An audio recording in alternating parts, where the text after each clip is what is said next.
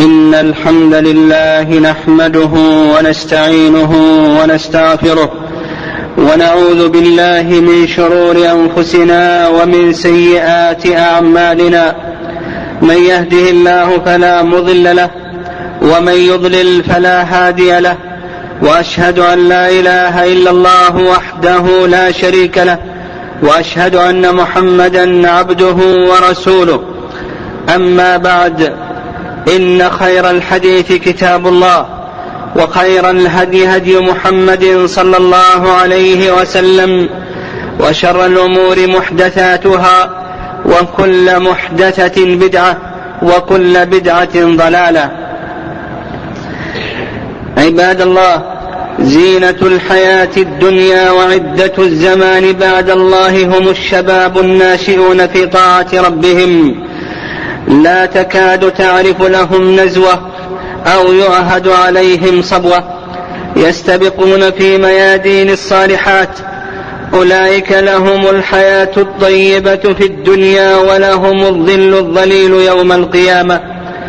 ولئن تطلعت ولئن تطلعت الأسرة لإصلاح ناشئتها ورغبت في أن تقر عينها بصلاحهم فعليها أن تهتم بتربيتهم وتسليحهم بسلاح الإيمان وتحسينهم بدروع التقوى وأخذهم بجد وقوة إلى العلم النافع والعمل الصالح. إن العناية بالنشأ مسلك الأخيار وطريق الأبرار ولا يفسد المجتمع ويهلك في الهالكين إلا حين يفسد أجياله. ولا ينال الأعداء من أمة إلا إذا نالوا من شبابها وصغارها. والله عز وجل ذكر عن أنبيائه حين توجهوا إلى ربهم بصلاح ذرياتهم قبل وجودهم ومن بعد وجودهم. فمن دعاء زكريا عليه السلام رب هب لي من لدنك ذرية طيبة إنك سميع الدعاء ولا خير في ذرية. ولا خير في ذرية إن لم تكن طيبة. وقال إبراهيم عليه السلام واجنبني وبني أن نعبد الأصنام. وقال رب اجعلني مقيم الصلاة ومن ذريتي.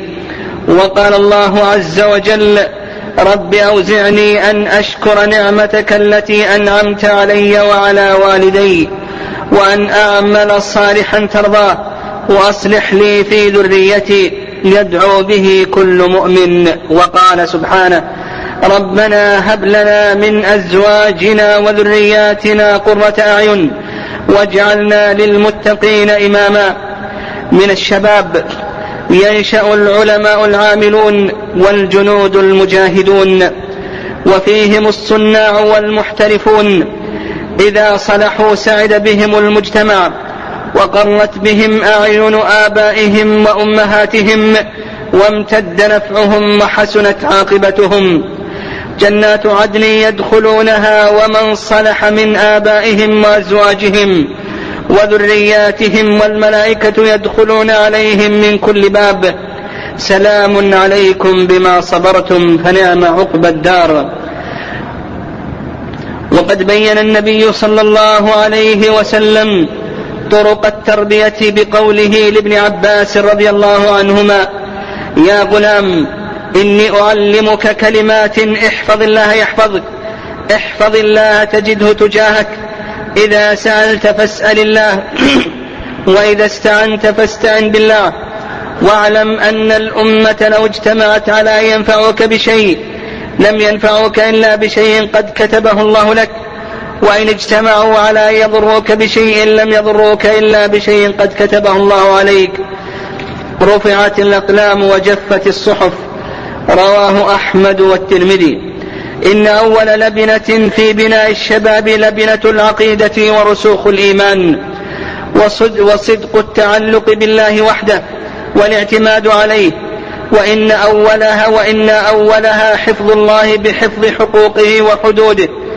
والاستعانة ومن ثم الاستعانة به وحده في الأمور كلها والتوكل عليه واليقين الجازم بأنه سبحانه بيده الضر والنفع وغرس القناعات في الواجب والمحرم مما جاء به الإسلام. إن الشباب اليوم بحاجة إلى المعرفة التامة بالعزائم من الأمور والعالي من الهمم. يدل على ذلك بعض السلوكيات التي توجد منهم في أيامنا هذه. إن قوي العزيمة من الشباب من تكون إرادته تحت سلطان دينه وعقله ليس عبدا لشهواته فتعس عبد الدينار وعبد الدرهم. من صرامة العزيمة وعلو الهمة أن يفرغ الفؤاد عن الشهوات والعواطف السريعة. هذا عبد الرحمن الداخل صقر قريش رحمه الله تعالى حين قدم الأندلس أهديت له جارية فنظر إليها وقال إن هذه من القلب والعين بمكان وإن أنا شغلت عنها بما, بما, أه بما أهم به ظلمتها. وإن أنا اشتغلت بها عما أهم به ظلمت همتي ألا فلا حاجة لي بها ثم ردها إلى صاحبها. إن الشهوات والعواطف وحب الراحة وإيثار اللذات هو الذي يسقط الهمم ويفتر العزائم فكم من فتيان يتساوون في نباهة الذهن وذكاء العقل وقوة البصيرة ولكن قوي الإرادة فيهم. وعالي الهمة ونفاذ العزيمة هو الكاسب المتفوق. يجد ما لا يجدون ويبلغ من المحامد والمراتب ما لا يبلغون. بل إن بعض الشباب قد يكون أقل إمكانيات وأضعف وسائل ولكنه يفوق غيره بقوة الإرادة وعلو الهمة والإصرار على الإقدام. وإنه لحقيق بالرجال القوامين على التربية أن يعطوا هذا الدرس مكانه. أعني علو الهمة ومضي العزيمة. من أجل بلا من أجل بناء صروح من العز شامخة إن لم يكن كذلك فقد ظلم المجتمع نفسه. يا يحيى خذ الكتاب بقوة وآتيناه الحكم صبيا. إننا أيها المسلمون ونحن في أيام الامتحانات نجد على بعض الشباب سلوكيات خاطئة تنبئ تنبئ عن عدم علو الهمة وإصرار العزيمة فمن هذه السلوكيات الخاطئة ضعف الهمم في التعلم والتوجيه ومن بخس حق العلم والمعرفة أن يطلب الفتى العلم لينال به رزقا أو لكي ينافس به زميلا حتى إذا أدرك الوظيفة أو انتهى من الامتحان رمى بالكتاب وأخلد إلى الراحة ونسي العلم وأضاع المعرفة وتنحى عن الطلب وترك العمل. وإنما يرفع رأس المجتمع أولئك الذين يقبلون على العلم بجد وصبر وثبات ولا ينقطعون عن التحصيل والاستزادة إلا حين ينقطعون عن الحياة. وإنك لتعجب. وإنك لتعجب من حال كثير من المسلمين اليوم. الزهد في القراءة والاطلاع على ميراث النبوة وتعلم العلم الشرعي. فلو سألت كثيرا من الشباب كم ختم كتاب الله عز وجل في هذه السنة لوجدت العجب من الإجابة. وهل قرأ في صحيح البخاري فضلا من أن يقرأه كاملا؟ لوجدت العجب أيضا بينما تدل الإحصاءات على أن غير المسلمين يقرؤون ويمضون أوقاتهم في القراءة. العلوم أيها المسلمون ما وضعت إلا لتهدي إلى العمل النافع فلا شرف في بعضها في نفسها وإنما شرفها بما يترتب عليها من علم صالح وأثر حسن. وكيف تكون المفاخرة بفتيان درسوا من العلوم التجريبية ما درسوا ثم لم ينفعوا بلادهم في معامل ولا مصانع. تكون بها أمتهم رائدة إلى الصلاح وقائدة إلى مناهج الحق والصواب في كل ميدان وفي كل وفي كل مجال. ومن هنا كان لزاما اقتران العلم بالعمل فمن السلوكيات الخاطئة. التي نلحظها هو ترك العمل بعد نهاية العام الدراسي.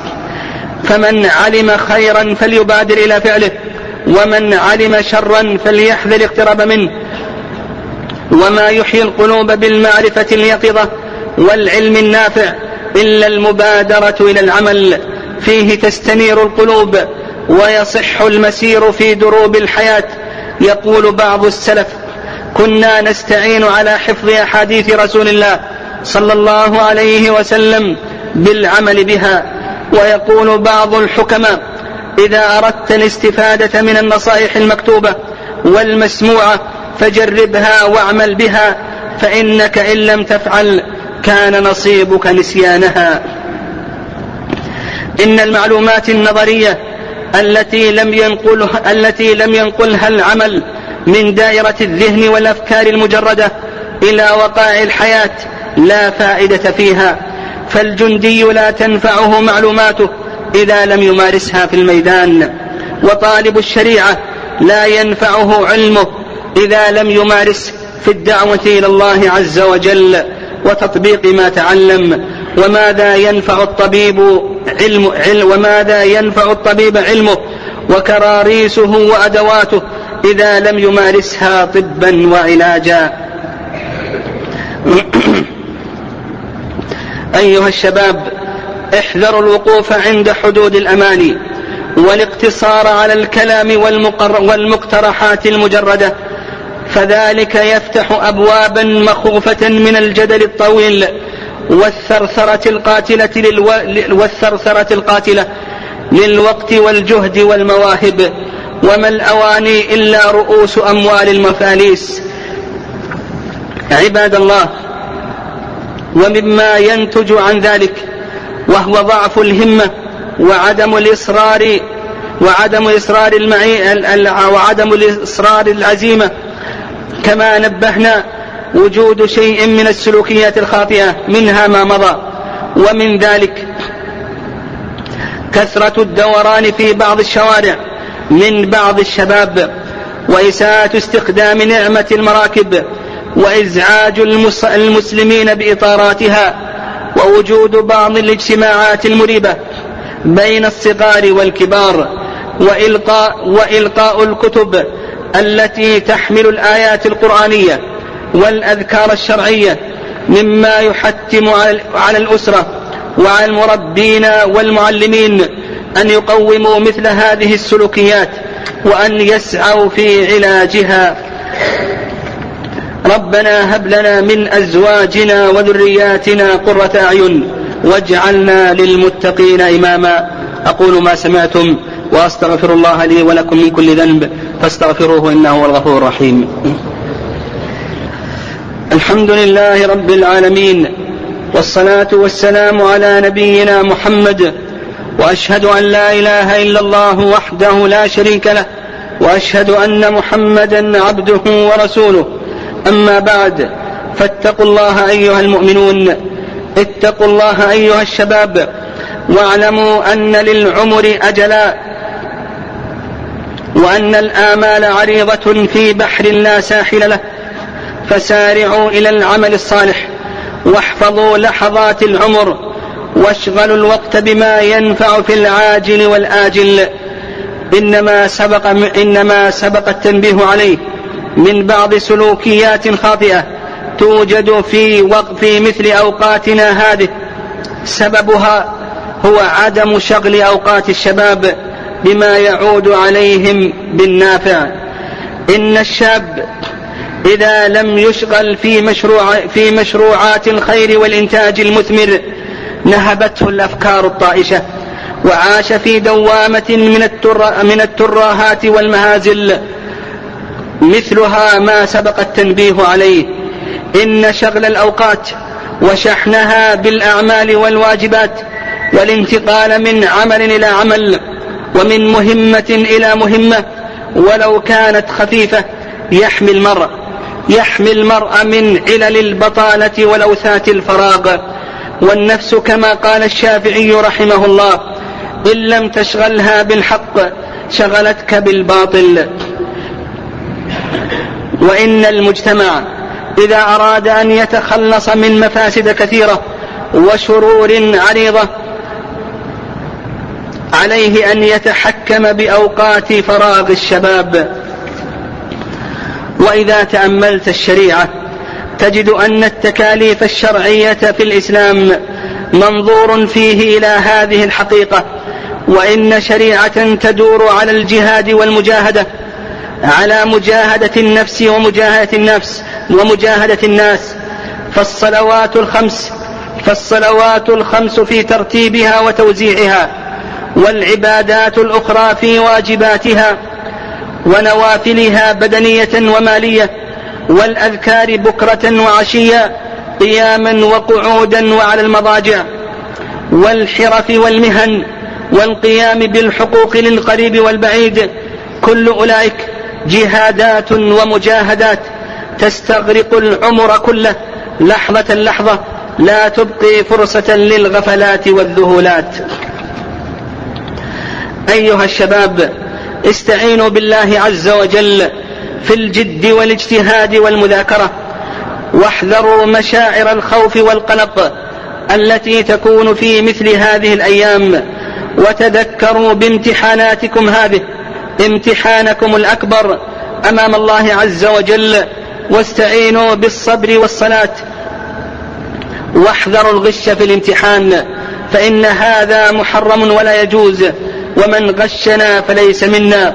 وأنتم أيها المدرسون المربون عليكم كفل في تنوير الشباب والعمل على قضاء فراغهم في مثل هذه الأيام بما يعود عليهم بالنافع. عاجلا وآجلا. اجتمعوا وتدارسوا في مثل هذه السلوكيات الخاطئة وقوموا بعلاجها. تؤدوا حق الله عز وجل وحق مجتمعكم. نسأل الله عز وجل بمنه وكرمه التوفيق والسداد. اللهم إنا نسألك الهدى والتقى والعفاف والغنى. اللهم صل وسلم وبارك على نبينا محمد. اللهم أعز الإسلام والمسلمين وأذل الشرك والمشركين. اللهم عليك بأعداء الدين. اللهم عليك باليهود الظالمين والنصارى الحاقدين. اللهم إنا ندرأ بك في نحورهم ونعوذ بك من شرورهم. اللهم صل وسلم وبارك على نبينا محمد. ربنا لا تؤاخذنا إن نسينا أو أخطأنا. ربنا ولا تحمل علينا إصرا كما حملته على الذين من قبلنا. ربنا ولا تحملنا ما لا طاقة لنا به. واعف عنا واغفر لنا وارحمنا. أنت مولانا فانصرنا على القوم الكافرين. اللهم آمنا في أوطاننا وأصلح أئمتنا ولاة أمورنا. اللهم اجعلهم محكمين لكتابك وسنة رسولك محمد صلى الله عليه وسلم. اللهم لا تدع لنا في هذه اللحظات المباركة ذنبا إلا غفرته ولا هما إلا فرجته ولا دينا إلا قضيته ولا مريضا إلا شفيته ولا أسيرا إلا أطلقته ولا غائبا إلا رددته ولا مريدا للحق إلا وفقته. ولا مريدا للشر إلا هديته. يا ذا الجلال والإكرام ربنا آتنا في الدنيا حسنة وفي الآخرة حسنة وقنا عذاب النار.